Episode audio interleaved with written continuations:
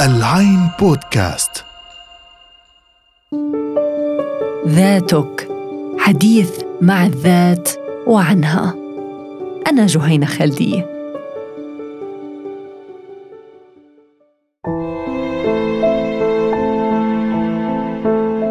ما قدرت وقف ما قدرت.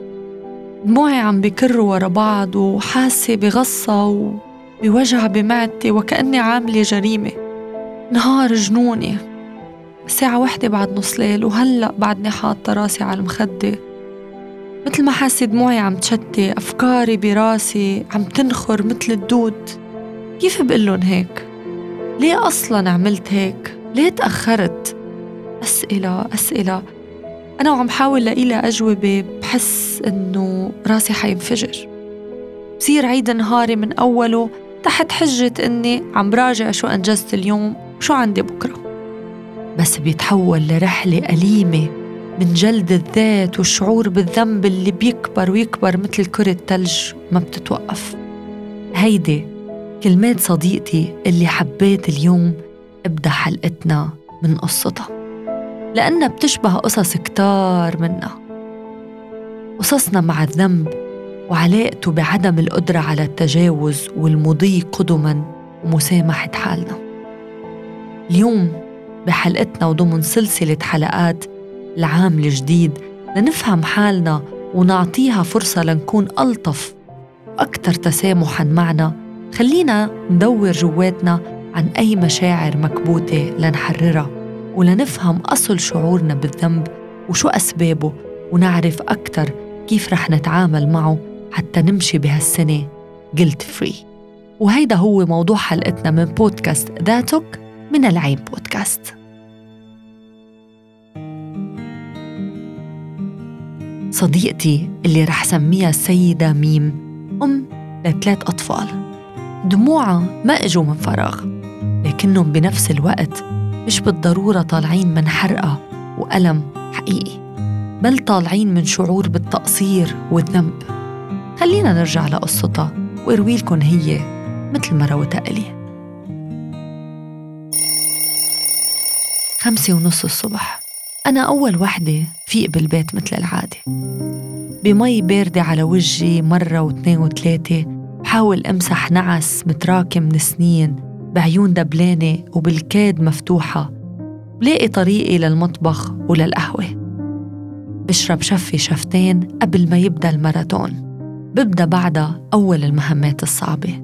صحيهم واحد ورا التاني ورا التانية بابتسامة وبطاقة بشحن حالي فيها لمدها لإلن مرات كتير بغنيلن وكل يوم بحضنن وببوسن أول ما يفتحوا عيونن الراوند 1 من مهمة الفيقة غالبا مصير الفشل وبيتخللها ركض بين المطبخ والغرف لتحضير الترويقة والوجبات وأتأكد من الشنط. وأخيرا وبالنداء 99 يمكن بفيقوا وبلحظتها بيتحول البيت لملعب كرة كله عم يركض بكل الاتجاهات لنجهز. وطبعا بيعلى الصوت شوي لمحاولة التنبيه إنه تأخرنا. ومرات بيعلى كتير وبصرخ بوجهن إنه خلص ليه هيك عم تعذبوا؟ جننتوني. بصير اتهام من هون وعيطة من هون ولوم من هون. لحد ما تنتهي المهمة. مرات بقلن راسي حينفجر مش قادرة على هالصريخ. وبعد حروب صغيرة هنا وهناك نوصل على السيارة أخيراً. بلتقط أنفاسي فرحانة بإنجاز المهمة الأولى. وبتحضر لما يتبعها من الماراثونات التالية. وصولاً للحظة النوم اللي بتهجم فيها علي المراجعات اليومية. وأحياناً بتكر دموع الإرهاق والذنب والعجز.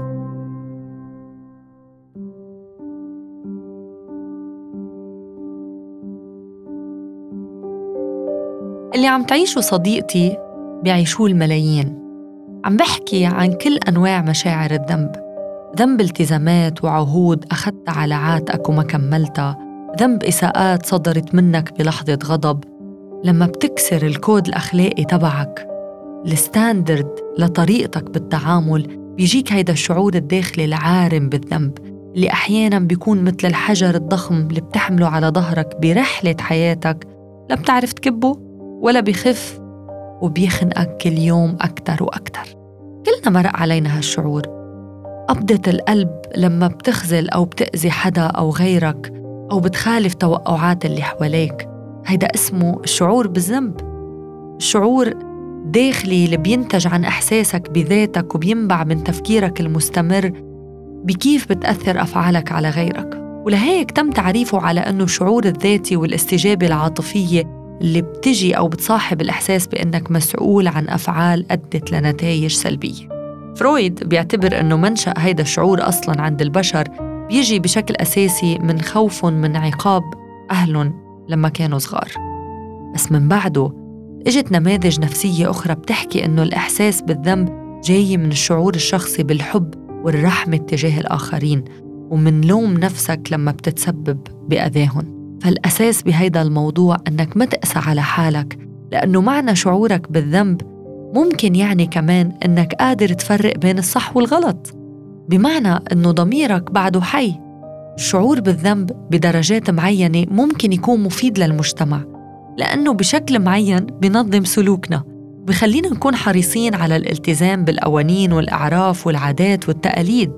الدراسات النفسية بتأكد أنه الذنب بدرجات معينة ضروري كدافع للتحسين الذاتي لسلوكنا. وهو اللي بخليك تعتذر وتصحح خطأك وتحس بالمسؤولية. ولهيك الأشخاص الأكثر عرضة لهالمشاعر بتلاقيهم hard workers وقادة أفضل ومحل ثقة. وهيدا اللي بتأكده دراسة نشرت بدورية علم النفس الشخصي والاجتماعي بسبتمبر 2018 بس هون بيجي السؤال هل في أشخاص ما بيحسوا بالذنب؟ طبعاً ودرجات شعورنا بالذنب تختلف أصلاً من شخص لآخر. ومعروف أنه قلة الشعور بالذنب والندم هي وحدة من السمات اللي بيوصفوها الخبراء خبر علم النفس تحديداً لتشخيص حالة الاعتلال النفسي أو السايكوباتيين. وهيدا بيأكد مرة تانية إنه إحساسك بالذنب دليل على أدميتك. بس من ناحية تانية كترة الإحساس بالذنب بتضرك.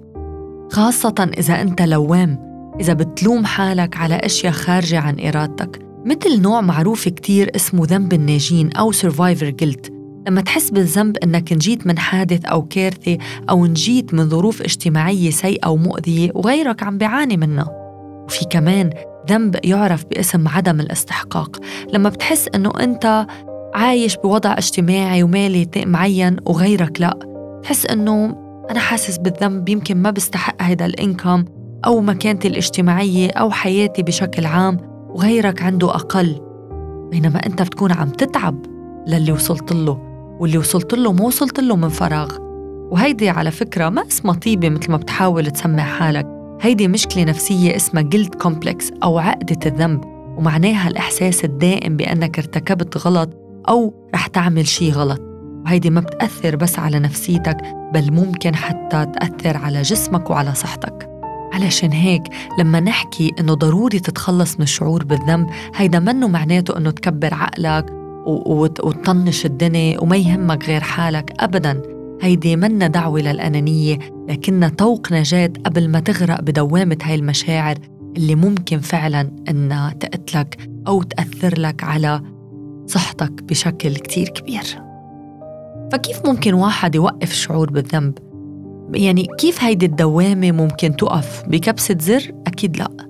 أهم شيء لنبدأ لازم نضل نذكر حالنا مثل ما دايما نقول نحن مش ملائكة. لازم نكون متأكدين إنه في غلط رح يصير. ومن بعده في محاولة نصحح في اعتذار في أنه نبدأ أحيانا كتير عنا فرصة أنه نبدأ من جديد أو نبدأ من الصفر. كل يوم بيطلع علينا هو فرصة لنعمل أشياء بشكل أفضل سواء مع عائلتنا أو مع حالنا أو مع شغلنا أو مع أحلامنا. وإذا صار وغلطنا في دايما مسامحة في اعتذار في توبة.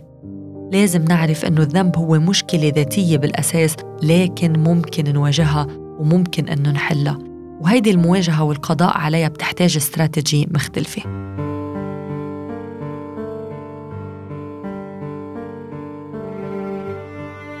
الاستراتيجي اللي بتحكي عنها الدكتورة لاني نيلسون الاستشارية المتخصصة بالتغيير وإدارة المشاكل هي استراتيجية واجه تعلم ثم تخطى. أول خطوة هي المواجهة وقصدي فيها أنك تواجه حالك تعترف بحقيقة مشاعرك وما تحاول تخبيها أو توصفها بأشياء غير حقيقتها نتيجة الإحساس الزائف بعزة النفس مثلا بالإيجو وتبلش تدور بدفاترك القديمة بحثا عن سبب إحساسك بالذنب. ضروري تعترف قدام حالك أنك كسرت هيدا الكود الأخلاقي تبعك.